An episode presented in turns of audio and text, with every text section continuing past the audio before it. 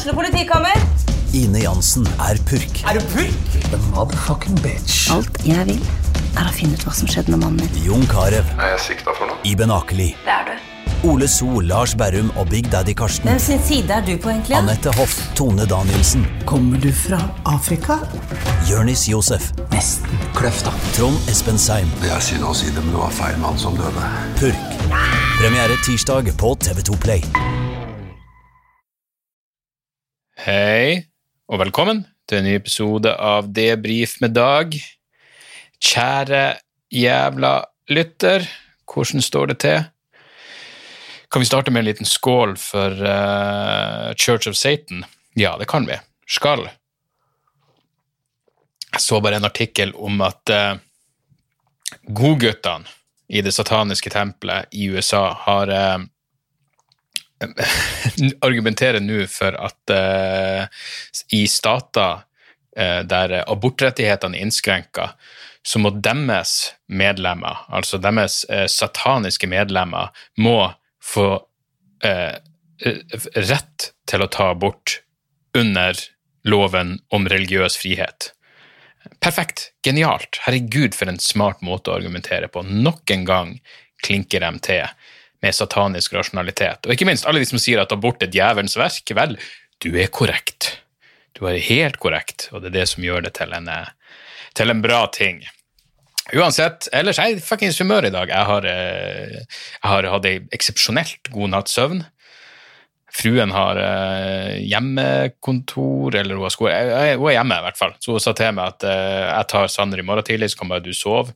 Som gjorde at jeg satt oppe litt utover natta og så på Dark. Eh, fortsatt ikke ferdig med det, men herregud, for en nydelig serie. Det er noe av det tyngste jeg har sett. Jeg innser at Dark er, tung, er tungt å se på fordi det, det er helt flatt. Det er ingen humor, og alt er liksom på ett jævla nivå. Det er som en eh, ja, Hvis du noen gang har kjent noen som er klinisk deprimert, som begynner på, som begynner på antidepressiva, så hvis du kjenner noen som har vært manisk og nå bare er helt flat, det er serien. Men den er fortsatt genial. Den er helt fantastisk. Den er bare veldig uh, tung å uh, fordøye. Men uansett, s- sov en god natts søvn, sov åtte timer. Ja, åtte jævla timer uten å våkne en masse og gnu. Eh, våkna opp i stor form. Jogga over ei mil. Følte meg ikke sliten etterpå. Så dro jeg til regnskapsføreren min og fikk fiksa noe greier med selvangivelsen, og så jeg sendte inn den, og jeg spiste sushi. Alt er fuckings strålende. Så, eh, så nå skal vi gjøre det her. Så får vi se hvordan det skal gå når jeg liksom er i, eh, i godt humør. Uh, Det skal jo sies at jeg har jo uh, kjefta på meg selv. For det første kjefta jeg på meg sjøl på lørdag fordi jeg kasta bort nesten to timer på Twitter med å kverulere, skråstrek, diskutere, blant annet med en kompis, om det som skjedde i Bergen. Eh, Det, begynte, det begynte med at eh, Kristoffer Schjelderup la ut en tweet hvor han sa 'Hvor liten kuk har du?' Altså, det her er jo min eh, eh, Sånn som jeg husker tweeten. 'Hvor liten kuk har du når du eh, tåregasser ei 13 år gammel jente?' Og jeg var brisen og følte for å kverulere, så jeg skrev eh, jeg vil tro ca. like liten kuk som en tenåring som går til voldelig angrep på en patetisk gammel rasist.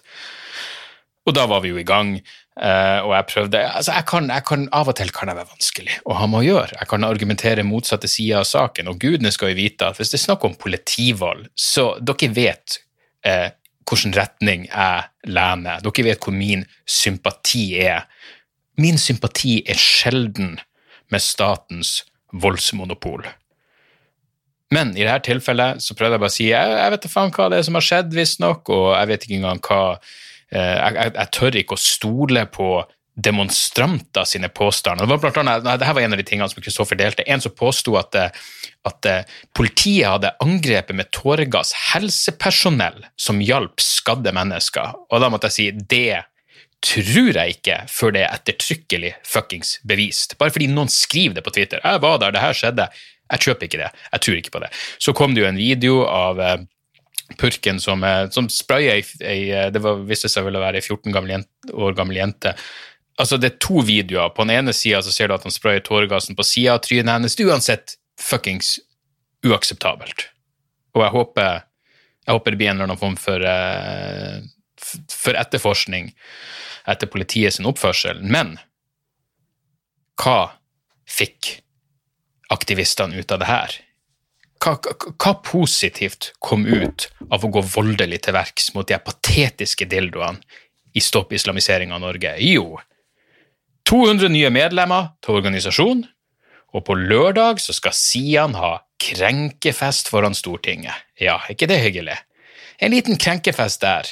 Eh, bevisst forsøk på oppildne folk til voldelige motreaksjoner, og jeg tipper det blir å funke. Jeg tipper det kommer til å gå helt jævla fint. Men som med alltid med denne typen saker, så er det noen jævla eh, prinsipielle spørsmål som Det er en, det er en ting at, at ungdommer ikke skjønner begrepet ytringsfrihet. Det er helt greit. Du er oppildna, du er 15 år gammel, men voksne folk, politikere, eh, professorer ved eh, universitet, når de ikke skjønner det, da ligger det dårlig an. Så, jeg, jeg, kan, jeg, kan, tilgi eh, Peter på 21 år, som i dagens eh, Aftenposten, i den CD- seksjon hvor ungdommene får uttrykke sine, sine, sin visdom, så skriver han om hvordan uh, ingenting av dette ville skjedd hvis politiet bare hadde nekta Sian å ha denne demonstrasjonen. Ja, det er jo en fascinerende argumentasjonsrekke. Hvis de bare hadde innskrenka deres ytringsfrihet, hvis de bare avskaffer ytringsfriheten, så, så ville ikke dette skjedd, uh, som, som muligens stemmer. Men det er jo enda mer sjokkerende å lese skal vi se, hvor var det her? Det var jo faktisk i, i lederen til Aftenposten i dag. Uh, som bare heter 'En seier for Sian'. Uh, som, jeg, som jeg var 100% enig i. Hør her. Arbeiderpartiets leder i Bergen, Geir Steinar Dale, sier til VG at politiet burde stansa demonstrasjonen på forhånd fordi vi vet at Sian i aksjoner sprer hatefulle ytringer. Der er lederen i Arbeiderpartiet i Bergen som har lyst til å forhåndssensurere fordi han vet hva som kommer til å bli sagt. Han, han er nå på Minority Report pre-crime-nivået. Stopp dem før de får brutt loven. Altså, det er faen meg mildt sagt sjokkerende. Og at Arbeiderpartiet og SV og LO Det, det eneste kritiske de har oppe, det er de er kritiske mot politiet. Og jeg vet ikke hva som har skjedd der. Jeg kan se det opptaket at du tåregasser ei eh, 14 år gammel jente og tenker det der er fuckings uakseptabelt, og jeg håper du eh, etterforskes. Jeg håper noen prøver å finne ut hva det er som har skjedd for noe. Eh, jeg er f.eks. ikke enig med Rolf B. Wegner, tidligere hva faen var han for noe? Tidligere politisjef i Bergen. Han, han skriver i, i samme avisa eh, en diskusjon om politiet altså, han, han, han, forsvarer selvfølgelig politiet sin framferd, men så skriver han en diskusjon om politiet ved anledninga gikk for hardt frem, er i ren avsporing. Nei, her må vi kunne ha to tanker i hodet på en gang. Vi må kunne si det, det, det er et problem når en sånn her type demonstrasjon eh, blir voldelig, når politiet blir angrepet, når man jubler når politiet trekker seg tilbake. Det er én side av saken. På den andre sida, politiets reaksjon er da vel faen ikke ei avsporing hvis den er kritikkverdig. Selvfølgelig er den ikke det. Men det jeg syns er det skumleste her, er fortsatt politikere som ikke skjønner ytringsfrihet. Um, og eh, så vi ser hvor det faen var den jævla Rødt-personen. Uh, det her er uh, gruppelederen i, i uh, Gruppeleder i Bergen bystyre, Sofie Marhaug, Rødts gruppe, jeg tror, jeg tror Rødt hadde gruppeleder i Bergen bystyre, Rødts gruppeleder i Bergen bystyre. Hun sier Rødt tar avstand fra vold. I likhet med LO ønsker vi en fredelig mot, motdemonstrasjon, men det fikk vi ikke tillatelse til av politiet. Og så sier hun eh, Sian ønsker konfrontasjoner. Eh, Sian ønsker konfrontasjoner. Venstresida ønsker fredelige motreaksjoner mot rasisme. Sian fikk dessverre en voldelig konfrontasjon, men det er ikke venstresida sin skyld. Ingen fuckings ansvar skal du ta. Altså, Det blir som å si ja, det, det, altså, jeg vet du fikk deg en smekk over trynet, men jeg kan ikke ta ansvar for det han har med å. Hva i faen er det du prater om? Og igjen, Altså, Hvis du søker om å få en motdemonstrasjon, og politiet sier nei, altså Jeg, jeg syns absolutt det burde være motdemonstrasjoner. Eh, I enkelte tilfeller. Ikke når det kommer til Sian. Men i enkelte tilfeller burde det være motdemonstrasjoner. Men nå må selvfølgelig Jeg går ut ifra regelverket er sånn at du søker, og hvis du får avslag, så betyr det at hvis du da demonstrerer likevel, så er det en ulovlig demonstrasjon. Og Jeg skjønner at av og til så må man bryte loven på moralsk grunnlag. Ingen problem med å skjønne det. Men at politikere tydeligvis er ikke skammer seg over å være fiender av, eh, av rettsstaten. Det er Ja. Og, og flere politikere har uttalt, og, og, mot, og antirasistiske aktivister, eller hva faen enn du skal kalle dem for noe. Gjentatte ganger har jeg lest setninga 'Problemet er at politiet beskytter ytringsfriheten til Sian'. Ja, noe annet skulle tatt seg ut. Er det ikke sånn ytringsfrihet fungerer? Hvorfor sier du ytringsfriheten til Sian? Den beskytter ytringsfriheten. Punktum. Og så får det så være at eh, moralsk forkastelige, rasistiske rasshold også bruker den jævla ytringsfriheten. Altså, det her er fuckings problemet med deler av venstresida, jeg tenker jeg vil ikke leve i det samfunnet du ville konstruert. For du ville faen meg rasert ytringsfrihet og rasert rettsstatsprinsipp over en lav jævla sko. Og det er et fuckings problem. Og så er det selvfølgelig herlig når høyresida da også driter seg sjøl rett i munnen. Jon Helgheim, herregud velsigne den tanketomme jævla dildoen. Fordi det var en eller annen fyr fra jeg lurer på om han var fra Oslo Met, han var i hvert fall professor ved en uh, utdanningsinstitusjon i Norge, som skrev noe sånn, jeg har ikke den tweeten klart foran meg, men han skrev noe sånn som at uh, Uh, hvis du får å sprer Burde du ha lov til til, til å gå inn i offerrollen hvis du får deg en liten smekk etter å ha kommet med rasistisk pissprat? Det var et eller annet sånn. Et eller annet uh, minimalisering av vold. Og igjen, la meg understreke også, hvis du slår en fyr i ansiktet så han detter bak på asfalten Du kunne tatt livet av han, absolutt. Hva hvis Sian-kuken hadde daua? Hva hvis Sian-kuken hadde gått rett i pennalet etter det slaget? Ville du fortsatt forsvart det? For hvis du ikke ville forsvart det hvis han hadde daua, så er du en prinsippløs faen. Men Jon Helgheim han svarer selvfølgelig denne professoren og jeg håper dine, dine arbeidsgiver vet hva du sier, og jeg håper du mister jobben. Se, nå skal Jon Helgheim faen meg gå rett inn i cancel culture. Han skjønner faen meg heller ikke begrepet ytringsfrihet. Og i stedet for å motargumentere, så går han rett på 'jeg har lyst til at du skal miste jobben din'. Det er cancel culture 101, så grattis til Helgeheim for at han er like jævla stokk fuckings dum som Rødt i denne jævla situasjonen. Akkurat like jævla idiot. Ja, hva skjedde med det gode humøret? Og eh, jeg har ikke lyst til å si så mye mer om det her, fordi jeg, jeg har en liten greie som jeg gjør på scenen nå om det her, men, men dere er jo mine kjære lyttere, så dere får få en liten Her er det jeg tenker vet, hva vi vet om hvorfor han ble altså, Hvorfor ble han slått ned? Hvorfor ble lederen i Sian slått ned? Alle ser bare ut til å gå ut ifra at det er fordi han er en rasistisk faen. Faktum er jo at veldig mange av de ungdommene som demonstrerte, var der fordi de var motivert av antiblasfemiske overbevisninger. De hata ikke han for rasismen primært, men fordi han kom til å si ting som krenka deres religion. Så hvis denne jævla Sian-kuken ble slått ned fordi noen ikke likte at han er blasfemisk, skal du fortsatt forsvare det angrepet? Nei, da kan du faen meg gå i deg sjøl. Hvor langt er det fra det til å si at Charlie Hebdo-angrepet var greit? Ikke så jævla langt som mange liker å tro. Det, er helt utrolig når folk faen ikke klarer å holde to jævla tanker i hodet samtidig. Og jeg gidder ikke engang å understreke flere ganger at Sian er patetisk. Det, det, alle mener jo det. Ja.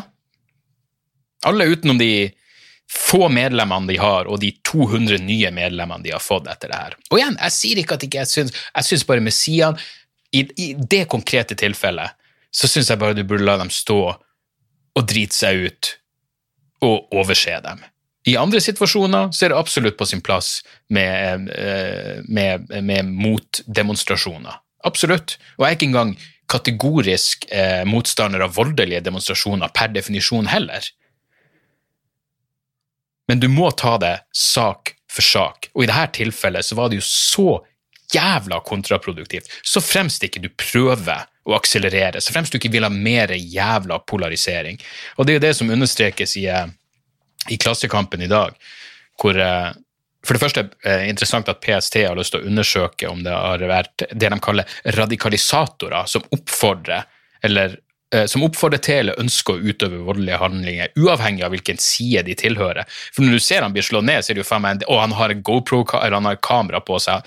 Siankuken som går i bakken, han har et kamera på seg i tillegg. Jeg tenkte bare det her er en inside job.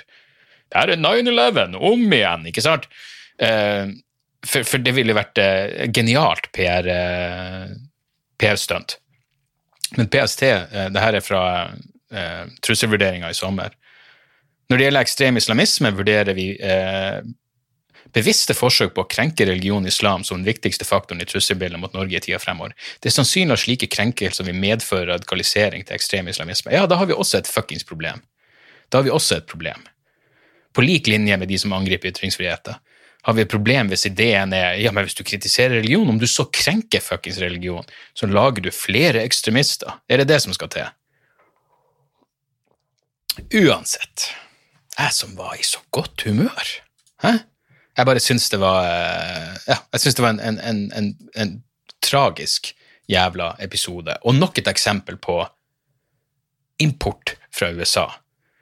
Og igjen, som sagt, jeg, jeg, jeg tar enhver mulighet jeg får til å kritisere politiet, men å automatisk gå ut ifra at de er fienden din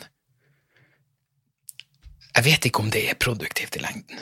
Jeg vet ikke om det er sånn du vil ha det, når du ser ungdommer kaste egg etter en politibil og juble når politiet trekker seg tilbake. Ja, nei. Og som sagt, hva er det man prøver å oppnå her?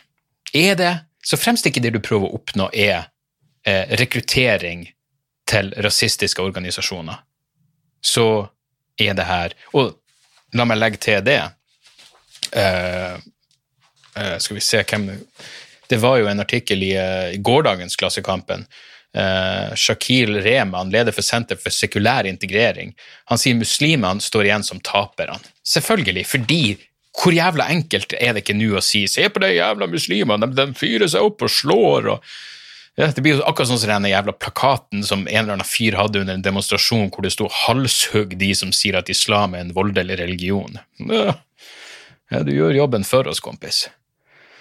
Nei, uansett, det er mer å si om det her. Jeg blir å snakke om det her på scenen, så får vi se. Det, det er vel lite som tyder på at verken Sian eller idiotiske, idiotiske motreaksjoner kommer til å avta med eh, det første.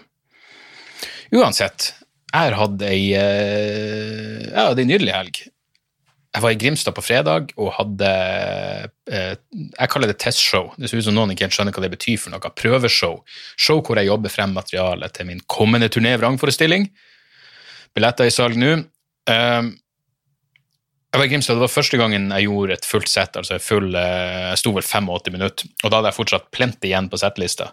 Og vrangforestilling bør vel ideelt nå, når alt er doble forestillinger, ikke vare lenger enn 75-80 minutter. Så, så, jeg har nok, for å, si det, for å si det sånn. Men det var helt jævla nydelig. Jeg dro alene. Vanligvis har jeg hatt med meg eh, Jan Tore eller eh, Hans Magne. Men akkurat denne gangen så tenkte jeg det, det er nesten greit å gjøre det alene, fordi da har jeg ingenting annet å fokusere på enn mitt eget materiale.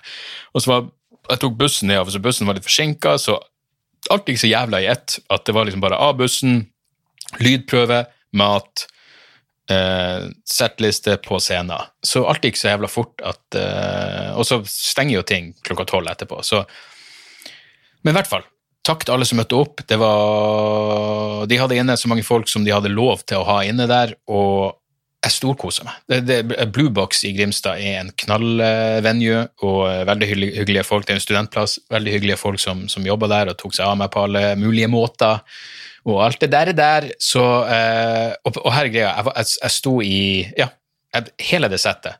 Jeg husker jeg så på klokka etter 55 minutter, bare for å se, og det var første gang det falt meg inn å se hvor lang tid jeg hadde stått, fordi jeg hadde ingen anelse, og det, mine damer og herrer, og alt imellom, det er et godt tegn når jeg glemmer av hvor lenge jeg har stått. Det er bestandig et godt tegn. for da har jeg vært ute av mitt eget hode, jeg har ikke tenkt på noe annet, jeg har ikke vært midt i en vits og tenkt hva jeg skal si etterpå, hva er neste vitsen, jeg bare faktisk slappa helt av. Um, og, og, publikum var nydelig. Lydhør og flirte der, flirte der de skulle, og selv om det bare var da Ja, jeg går ut fra halvparten av det det vanligvis ville vært under et show der, så tenkte jeg ikke på det i et jævla sekund. Det funka. Alle satt liksom rundt, det var fire rundt hvert bord. og og jeg har vært skeptisk til hvordan det kommer til å gå når det, eh, ja, når det bare er halvparten av det man er vant til i en sånn sal, men det, det funka som faen. Og ja, det var eh, Jeg, jeg storkosa meg virkelig. God kveld, Grimstad. Jeg vet jeg har vært på denne plassen før, men minnene er vage. Og det har i hvert fall ikke vært under de her omstendighetene. Måtte få en oppfrisking på hva folk studerer her. Hvor mange som er studenter her? Bare rop ut. Ja, ok. Så vidt jeg har forstått, så er det dataingeniører og sykepleiere. Ikke? Ikke si noe annet, for det fucker opp det neste jeg skal si. Da slo jeg dataingeniører og sykepleiere. Å ja, de som aldri får pult, og de som alle vil pule. Ja, det er jo, eh, det er jo perfekt. Hvis det ikke blir ei eller annen jævla incel-skyting i løpet av det her semesteret, så er det noen som har ofra seg for en god sak. Så det er godt å vite. Hyggelig å være her. Eh, jeg føler meg fantastisk, mest av alt fordi jeg satt og så på den eh, Northug-greia i dag. Oh, jeg trodde jeg hadde fucka opp i livet mitt. Helvete. Men det var så deilig å se. Vet, noen som så det der faenskapet. Journalister etterpå med en gang ute. Han ydmyka seg sjøl. Han, ydmyka seg sjøl. Hørte dere spørsmålene som ble stilt? Han kom jo godt ut av det pga. idiotien som rant ut av kjeften på journalister. Det var sånn Hva vil du si til det norske folk? Hva vil du si til 13-åringen som nå slutter å gå på ski pga. deg? Og han kunne ikke si Hvilken jævla 13-åring er det du finner på, din pikk? Han måtte sett den her. Veldig trist og synd for han og alt det der. Det var til og med en som spurte Hva liker du med kokain? Hva med det meste? Alt utenom det her, akkurat nå. Alt utenom det her er fuckings konge med kokain. Og um, ja, prater vel litt om det. Måtte jo selvfølgelig innom den Northug-greien. Altså, det er jo ikke noe som jeg nødvendigvis uh, Altså, jeg, jeg tilfeldigvis kom jeg på at nå er denne pressekonferansen, og en sånn ting virker jo så jævla ydmykende, så jeg måtte bare trykke inn for å se bare litt pute-TV før jeg, før jeg satt snuten mot, uh, mot Sørlandet. Og ja, nei, altså, altså det er jo ingen tvil om at de som kom verst ut av hele denne Northug-pressekonferansen, var journalistene. Herregud, for noen jævla spørsmål. Jeg fikk ikke med meg han som spurte om Northug hadde vurdert å ta livet av seg, men jeg hørte det der. Hva skal du si? Hva vil du si til det norske folk? Alt det der fuckings mannskiten der. Hva får du ut av kokain? Det, altså, her er jo faktumet. Uh, og det her kan du, altså, det her, her har jeg kildehenvisning. Det her er The Journal of Sexual Medicine. Uh, de har en artikkel som heter The Neuroimaging of Love hvor de eh, påpeker at eh, når du er nyforelska, så, så, stimulerer det de samme delene av hjernen, og du får den samme euforiske følelsen Du får den samme euforiske følelsen når du er nyforelska, når du tar kokain. Så hvorfor tar folk kokain? Vel, har du noen gang vært nyforelska, så vet du vel at det er en ganske grei følelse en grei følelse man har lyst til å gjenta tre, kanskje tre ganger i året. Altså, nå snakker jeg ikke for Northug, men uh, det var også um, det var også interessant å se at uh, det var en uh, kronikk av en id... Skal vi se hva hun var for noe. Lege. Uh, Aili Kristina Hannisdal. Hun prater om at eh, toppidrett, eh, debattinnlegget heter 'Toppidrettsutøvere blir rusa på endorfiner'. Hva, hva, når dine egne naturlige rusmidler er borte? Og så prater hun liksom om det rushet toppidrettsutøvere får når de vinner, osv. Og, og så skriver hun cocktailen byr på en euforisk rusfølelse, og det er før du stormer over målstreken som nummer én. Og det er før du stommer over målstreken som nummer én. Endorfin er, sammen med andre nevrotransmittere og følbra-stoffer, signalstoff som virker i hjernen vår, og som kan få belønningssystemet til å lyse opp som et juletre. Idet du mestrer, vinner, får oppmerksomhet, anerkjennelse og applaus, gløder nervetrådene i hjernen din som en glødelampe i mørket. Og så er det over. Så er oppmerksomheten borte.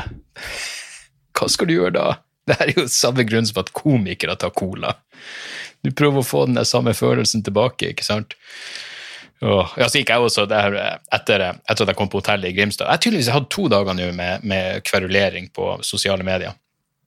Uh, eller det her var ikke så mye kverulering, men jeg bare lå småbrisen, og så kom jeg over den artikkelen i VG som heter 'Så mye er ti gram kokain'. og Jeg bare, jeg husker ikke om jeg leste den nøye, men jeg la selvfølgelig ut på, på Twitter eller Facebook eller noe, at uh, denne artikkelen er skrevet av noen som burde gjøre alt annet enn å skrive ting, og det inkluderer kokain. Uh, og så plutselig så ble jeg kontakta av uh, journalisten som skrev den artikkelen, på Twitter, som skriver at jeg burde tagga han når jeg skulle legge ut det der eh, og at jeg gjerne må utdype hva jeg mente. Eh, jeg leste den, og så tenkte jeg ja, da må jeg jo lese den artikkelen om igjen. Jeg husker ikke engang hva som fyrte meg, hvorfor jeg fyrte meg opp i utgangspunktet. Eh, og så, og så oppsto jo alt det Sian-greiene, så jeg glemte det helt bort. Og så våkna jeg opp på søndag, og da var jeg sånn, jeg hata meg sjøl. Jeg følte meg fysisk dårlig nok en gang etter å ha vært på Twitter. Uh, rett og slett fordi jeg bare kaster bort tid på ingenting. og ingen, det, det, Man får ingen verdens jævla ting ut av det. Uh, og da får jeg plutselig en sånn emoji fra den samme journalisten hvor det bare er en fyr som står sånn Well, we're waiting. Og jeg kom på ja faen, jeg har ikke utdypa hvorfor i helvete jeg syns at han burde uh, skyte seg sjøl fremfor å være journalist. Så da måtte jeg lese over artikkelen en gang til, og da må jeg jo selvfølgelig Da har jeg jo i bakhodet at husk at du må være høyst kritisk til det som står her. Uh, og Jeg huska jo ikke argumentene mine som jeg tenkte i halvfylla i Grimstad, men uh, jeg klarte nå å finne på noe. Så jeg svarte fyren. Jeg tror ikke han hadde forventa et svar, men jeg, ga, jeg, sendte tre eller fire tweets med en ganske utdypende forklaring på hvorfor jeg syns artikkelen var, var, var faen meg spekulativ på grensa til det uetiske, at det var det var så sensasjons... Det var, det var desperat i sitt det, Altså, hva enn jeg fucking skrev, jeg husker vel faen ikke ordrett hva jeg skrev for noe, men så skrev jeg også, og halve artikkelen er bare sitat av en person som understreker at han ikke snakker om Northug spesifikt. Og det var bare Ja, det var så inn i helvete spekulativt. Så jeg svarte nå det, og så eh, la han seg Han la seg flat på alle punkt! Jeg fikk bare et langt svar tilbake hvor han faen meg la seg flat på alle punkt men understreka at han mente jeg var deres intensjoner, de følte fortsatt at de hadde lykkes der. Og, ja, flott. Og da hadde jeg i minste vett nok til å ikke svare. Da hadde jeg i minste vett nok til å tenke hei, jeg gikk hardt ut, jeg klarte å forsvare det. Han eh, har svart, og da er vi ferdig med det. Og det hele var eh, Han skal ha det. altså han var, Og igjen, er helt enig med han. Det, det var en uting at jeg ikke tagga han. Hvis jeg skal gå så hardt ut mot en journalist, så burde jeg, så burde jeg tagge vedkommende, så han kan se hva som blir skrevet. Det, er, det ville vært det rette å gjøre. Så, så sånn er nå en gang det. Eh, men ja, Grimstad, takk igjen til alle som kom ut. Det var fuckings Det var gull. Det var, jeg følte meg veldig mye bedre. Og nå ser jeg bare frem til eh, ja, jeg har, et testshow på ja, Alle er utsolgt, så hvem bryr seg? Men jeg har tre testshow denne uka. Uh, og så skal jeg til Det er noen få billetter igjen til jeg har allerede glemt av hva den fuckings plassen heter, der jeg skal. Fjorden. Kapp. Neste fredag skal jeg til Kapp. Altså ikke nå på fredag, men 4. september skal jeg til Kapp og stå på en plass som heter Fjorden. Eh, og der er det noen få billetter igjen. Eh, og der blir det bare, blir det bare ett show. Det Logistikkmessig så gikk det ikke å få ut folk og inn folk. alt det der. Så det blir ett show på Fjorden i Kapp. Når de billettene er borte, så er de borte. Uh, utenom det så er alt av T-showene utsolgt. Uh, Mo i Rana, som sagt, det er billetter igjen til det tredje showet der, som er på lørdag klokka syv. Bodø er nå begge showene utsolgt. Tromsø er det første showet utsolgt. Jeg venter fortsatt. Igjen, dere må ikke skrive til meg. Ikke skriv til meg og spør når dere får refundert eh, pengene fra Stormen eh, kulturhus i Bodø, for jeg aner ikke. Jeg har ikke sett de pengene. Eh, jeg har ikke fått de pengene. Jeg har ingen kontroll. Ikke som om jeg må betale Kulturhuset tilbake, og så skal Stormen overføre penger til dere. Det har ingenting med meg å gjøre. Eh, ta det med Kulturhuset. Um, det samme med Tromsø. Uh, jeg vet ikke når de legger ut billetter til show nummer to, men du, dere må ikke mase på meg, for da må bare jeg mase, mase videre på dem. Det er bedre hvis flere av dere kontakter dem og sier hva faen skjer med billettene til show nummer to. Um, men uansett, det blir to show i Tromsø 19.9. Stjørdal 25.9. Der er litt billetter igjen til show nummer to. Det første er utsolgt. Og så er det Trondheim dagen etter, og der er begge utsolgt. Så ja, og lenger enn det gidder jeg ikke å tenke. Så um, ja, vi har fått det Jeg kjøpte jo et eh, jeg kjøpte jo et skjelett til fruen i, uh, i bursdagsgave. Og nå har uh, vi har omsider funnet en plass for det, som er rett innenfor døra når vi kommer inn fra, fra yttergangen. Og så satt et, um, den har en sixpence på seg og et forkle, altså sånn det er ikke forkle det heter. Hva, hva enn Ingrid Espelid har på seg på kjøkkenet når hun skal jukse litt. Så du ikke får mel på deg, faenskap. Men det, det, gjør altså at jeg skvetter jeg vil tippe i snitt 17 ganger om dagen. Altså sånn hjertehoppskvett 17 ganger dag, om, dagen. Fordi enten det er morgen eller kveld eller ettermiddag, jeg kan stå på kjøkkenet, og så plutselig får du bare noe Du bare merker at det er noe i sidesynet ditt. Og før hjernen din klarer å liksom før, før, det når det bevisste jævla nivået ditt, så får du det der hoppet med dødsangst som sikkert forkorter livet ditt, men, men det er fortsatt verdt det, fordi jeg, jeg føler at skjelettet passer bra inn der. Så det, det har funnet sin, eh, sin, plass der. Så det er bra å holde hjertet i, eh, hjertet i form. Og det har jeg merka faen nå når jeg når jeg begynte å jogge eh, regelmessig. Jeg har jo faen meg en hvilepuls nå som er på sånn 45. Av og til er pulsen min nede i 40. Så det må jo være Jeg håper det er bra, at ikke det er dårlig. Eh, jeg har en kompis som, som, gikk til legen fordi han hadde så jævlig høy puls, og legen hadde sagt nei, du burde være mer redd hvis pulsen din begynner å bli sykt lav. Så pff, fuck. Det kom jeg på nå. Det skulle ikke jeg tenkt på. Men, uh, men ja, sånn er det. Du, det var én ting til, uh, så Det må vi ha vært i avisa. Det, bare handler om Jeg tenkte Når det kommer til likestilling, så vil det i hvert fall komme et stykke Se for deg at det her var motsatt. Altså, det var, igjen, det var i Aftenposten, det var en artikkel som heter 'Er menn ofre for kvinner'? Og Det handler liksom litt om hvordan menn blir krenka på andre måter enn kvinner. og Da er det en psykolog, Bente Lømo, som sier at mener at menn kan føle seg krenka på andre områder enn kvinner. Eh, menn kan f.eks. erfare at de ikke hadde like mange ord som partneren, og derfor kom til kort i kranglene de hadde. Hva er det slags fuckings Så det du sier, er at menn er mindre eh, eh, Det er nå jeg ikke burde miste ordene. Velartikulert. At de ikke har et like fuckings eh, fullt verbalt arsenal som sin kvinnelige motpart. Eh, og derfor slår de.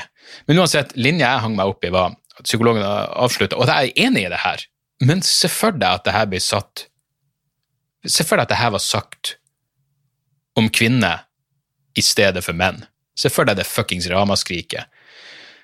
Hun avslutter nemlig, Psykologen avslutter nemlig med å si dersom menn strever med selvbildet sitt, eller med å finne en posisjon, kan ikke løsningen være at kvinner skal begrense seg eller gi mann et godt selvbilde.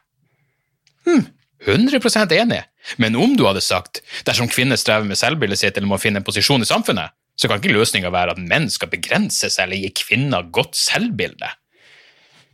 Det går fremover, folkens. Det går faen meg fremover. Fort og med stø kurs mot en progressiv utopi. Eh, jeg fikk én mail som jeg bare kom på i farta nå, om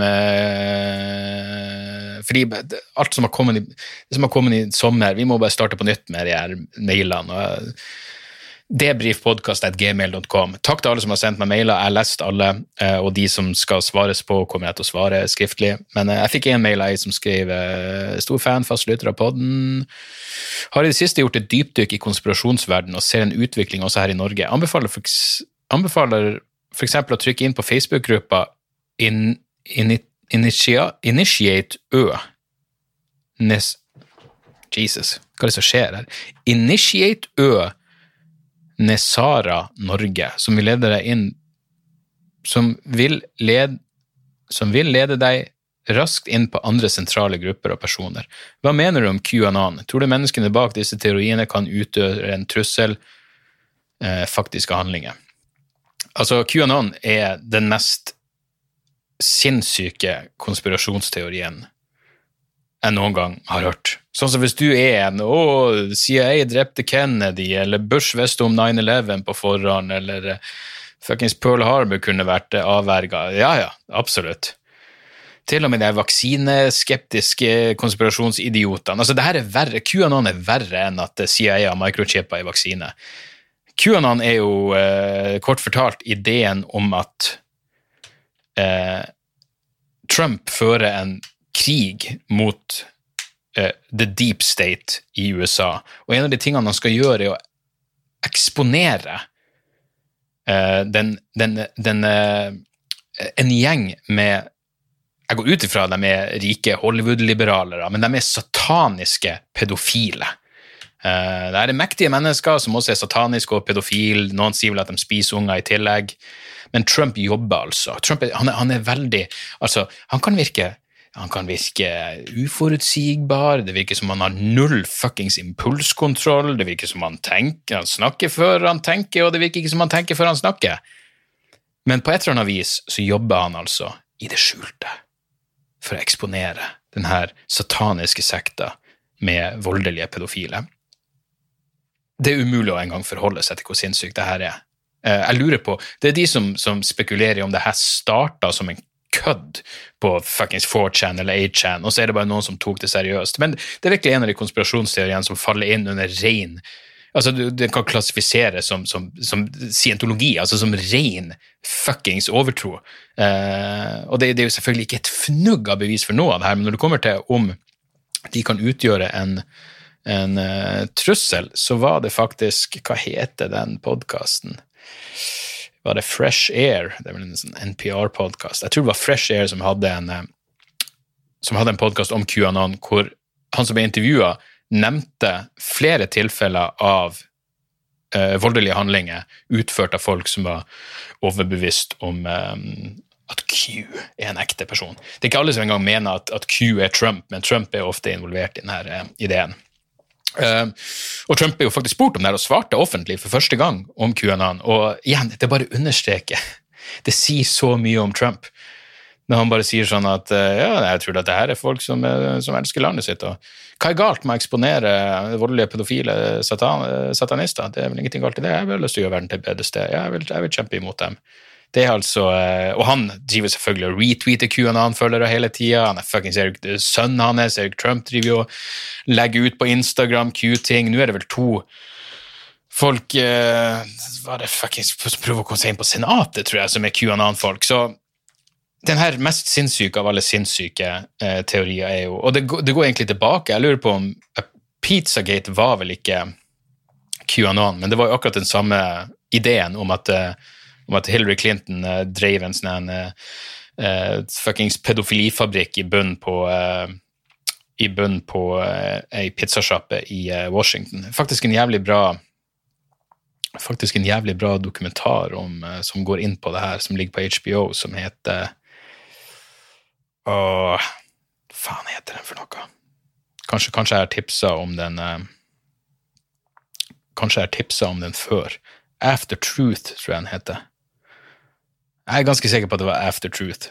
Et eller annet sånn, eh, hvor de blant annet går inn og intervjuer den fyren som styrer den eh, pizzasjappa, og hvor sinnssykt det er. Men, men, der var det jo poenget, der var det jo en fyr som, som, som tok denne ideen til sin logiske konklusjon. Ikke sant? På samme måte som folk som sprenger abortklinikker. Ja, hvis du mener at drap på unger faktisk hvis du mener at abort faktisk er drap på barn, så burde du ikke bare tenke ja, det er jo synd at de gjør det. Nei, da burde du faen meg gå voldelig til verks for å stoppe det. På samme måte så var det en fyr som, som som, eh, som, tenkte at hey, hvis, det, hvis, de, hvis, de, holder unger fangene i kjelleren på denne pizzarestauranten, så må jo faen meg sette dem fri. Så han dro dit og gikk eh, bevæpna inn eh, og fant jo ut at eh, det er, noe, det er jo ikke engang en kjeller på denne pizzarestauranten. Skulle tro at det er den type informasjon du kunne finne ut på nettet før du faktisk kjører helt til Washington. Jeg vet da faen hvor det var han, han dro ifra. Sikkert, meg, la meg gjette sørstatene en plass.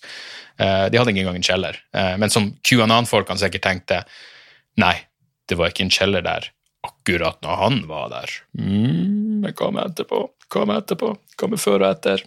Gudene vet. QAnon fascinerende sinnssykt. Jeg mener, det det, Snakk om en konspirasjonsteori for vår tid, når du må skru alt opp til 100. Eh, helt forbanna sinnssykt. Men hvis den begynner Jeg vet at de har en QAnon-seksjon eh, seksjon i Finland, så det overrasker meg vel ikke hvis, eh, hvis det er noe tilsvarende i, eh, i Norge også.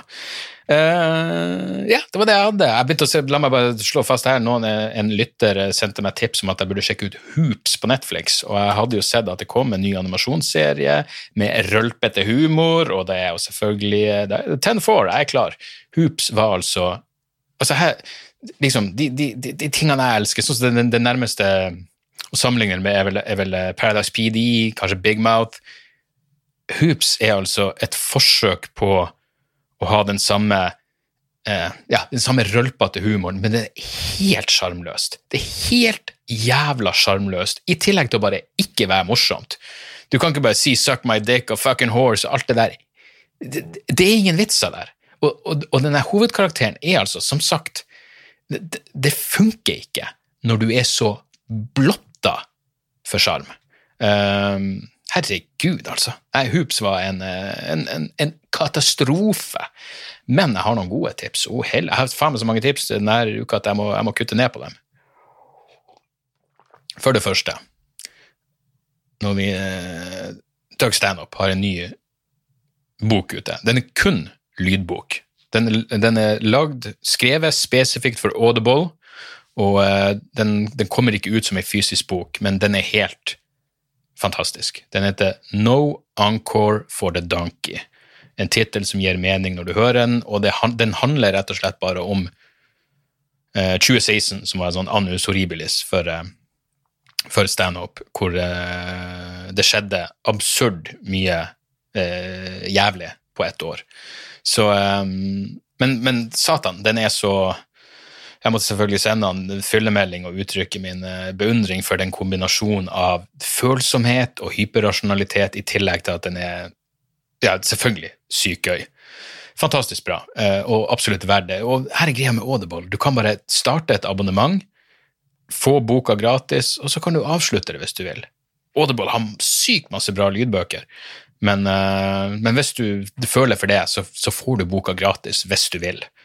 Så, så, den kan uansett anbefales på det aller jævla varmeste. Uh, musikktips Gulch. G-u-l-s-c-h. Uh, I sommer så sendte en kompis med Shara til Jens sendte meg en melding og sa har du hørt Gulch, de er fuckings konge. Jeg sjekka dem ut. Uh, men så skjedde det et eller annet, så jeg, jeg, glemte av å høre noe mer på plata. Og så plutselig, i musikkmagasinet til, aften, til Klassekampen på mandag, så sto det om Gulch. Og da var jeg sånn, faen, det var det Jens tipset om. Så hørte jeg på plata. Den er jo helt, helt fantastisk. Impenetrable Cerebral Fortress heter den. De er, fra, de er et hardcore-band fra Santa Cruz. Uh, skulle faen ikke forundre meg om det er ikke Santa Cruz, New Mexico, uansett hvem faen bryr seg.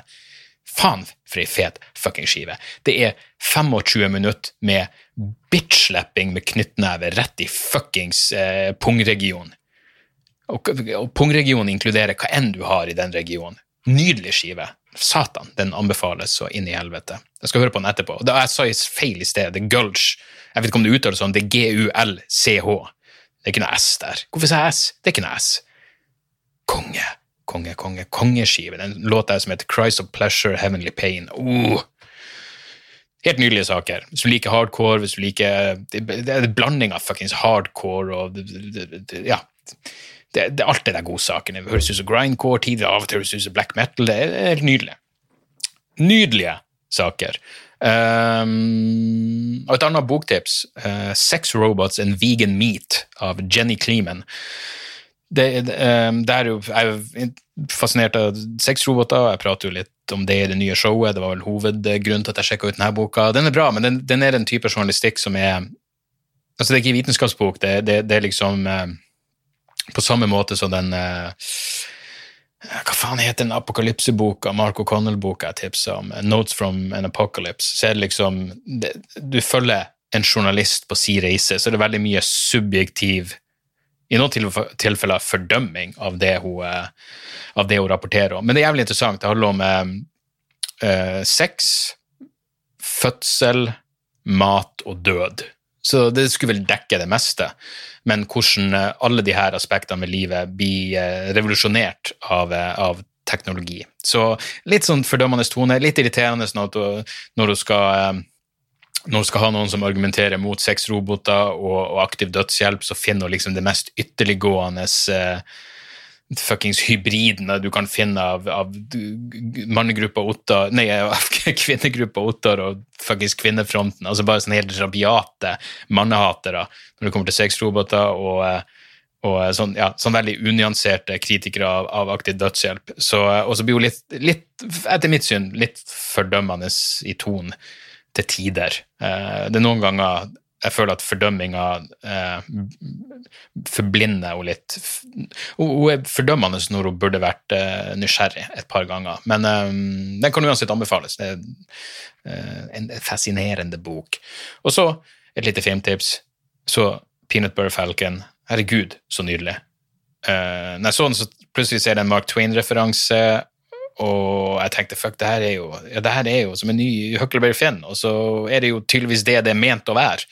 En slags moderne versjon av Huckleberry Finn, men helvete så feel good, helvete så Igjen, det, det er et ord jeg, jeg, bruker mange ganger, men jeg føler at det er det rette ordet. Den er menneskelig. Ikke bare medmenneskelig, men, men menneskelig. Det her er folk på på godt og vondt, og noe av det mest feel good-faenskapet jeg har sett på evigheter. Anbefales på det varmeste. Peanut Butter Falcon. Så, der har vi det. Nå skal jeg springe på Vinmonopolet, og så skal jeg gjøre Dialogisk-podkasten. Jeg skal springe på Vinmonopolet fordi jeg har bestilt. Jeg har bestilt, mine damer og herrer, litt Vondgraven Saison. Vondgraven øl. Eh, jeg er jo stor fan av Rieslingen. Eh, og godeste Satyr vet jo hva han holder på med. Så jeg så på Instagram at han hadde mekka noe øl som eh, måtte bestilles på polet, så bestilte jeg tolv flasker og eh, skal hente dem nå. Og det ser jeg virkelig frem til. Så der har dere det. Uh, takk igjen for alle som støtter meg på Patrion. Patrion.com slash dagsordas. Mailadressen er debrifpodkast.gmail.com. Hvis dere vil se meg på vrangforestillingturneen, så klarer dere å finne informasjon om det med å gå på hjemmesida mi dagsordas.com. Takk for at dere hører på. Spre gjerne ordet. Rate and review. Alt det der jævla faenskapet. Jeg elsker dere. Vi snakkes snart igjen. Tjo og hei! Moderne media. Da er det reklametid, og ukens annonsør er fiken.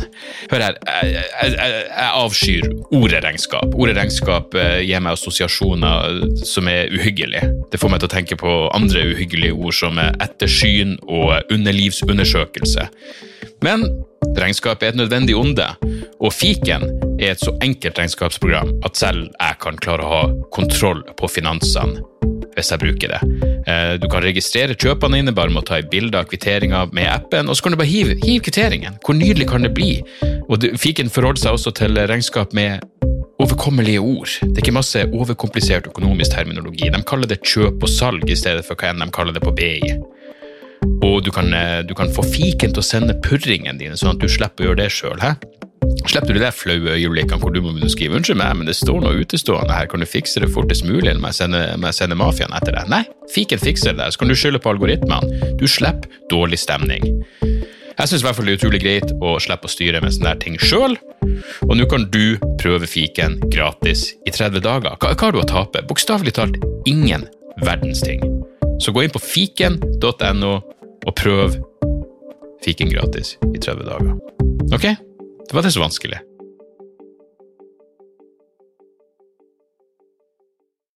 Har du et enkeltpersonforetak eller en liten bedrift? Da er du sikkert lei av å høre meg snakke om hvor enkelt er med kvitteringer og bilag i fiken, så vi eh, gir oss her, vi. Fordi vi liker enkelt. Fiken superenkelt regnskap.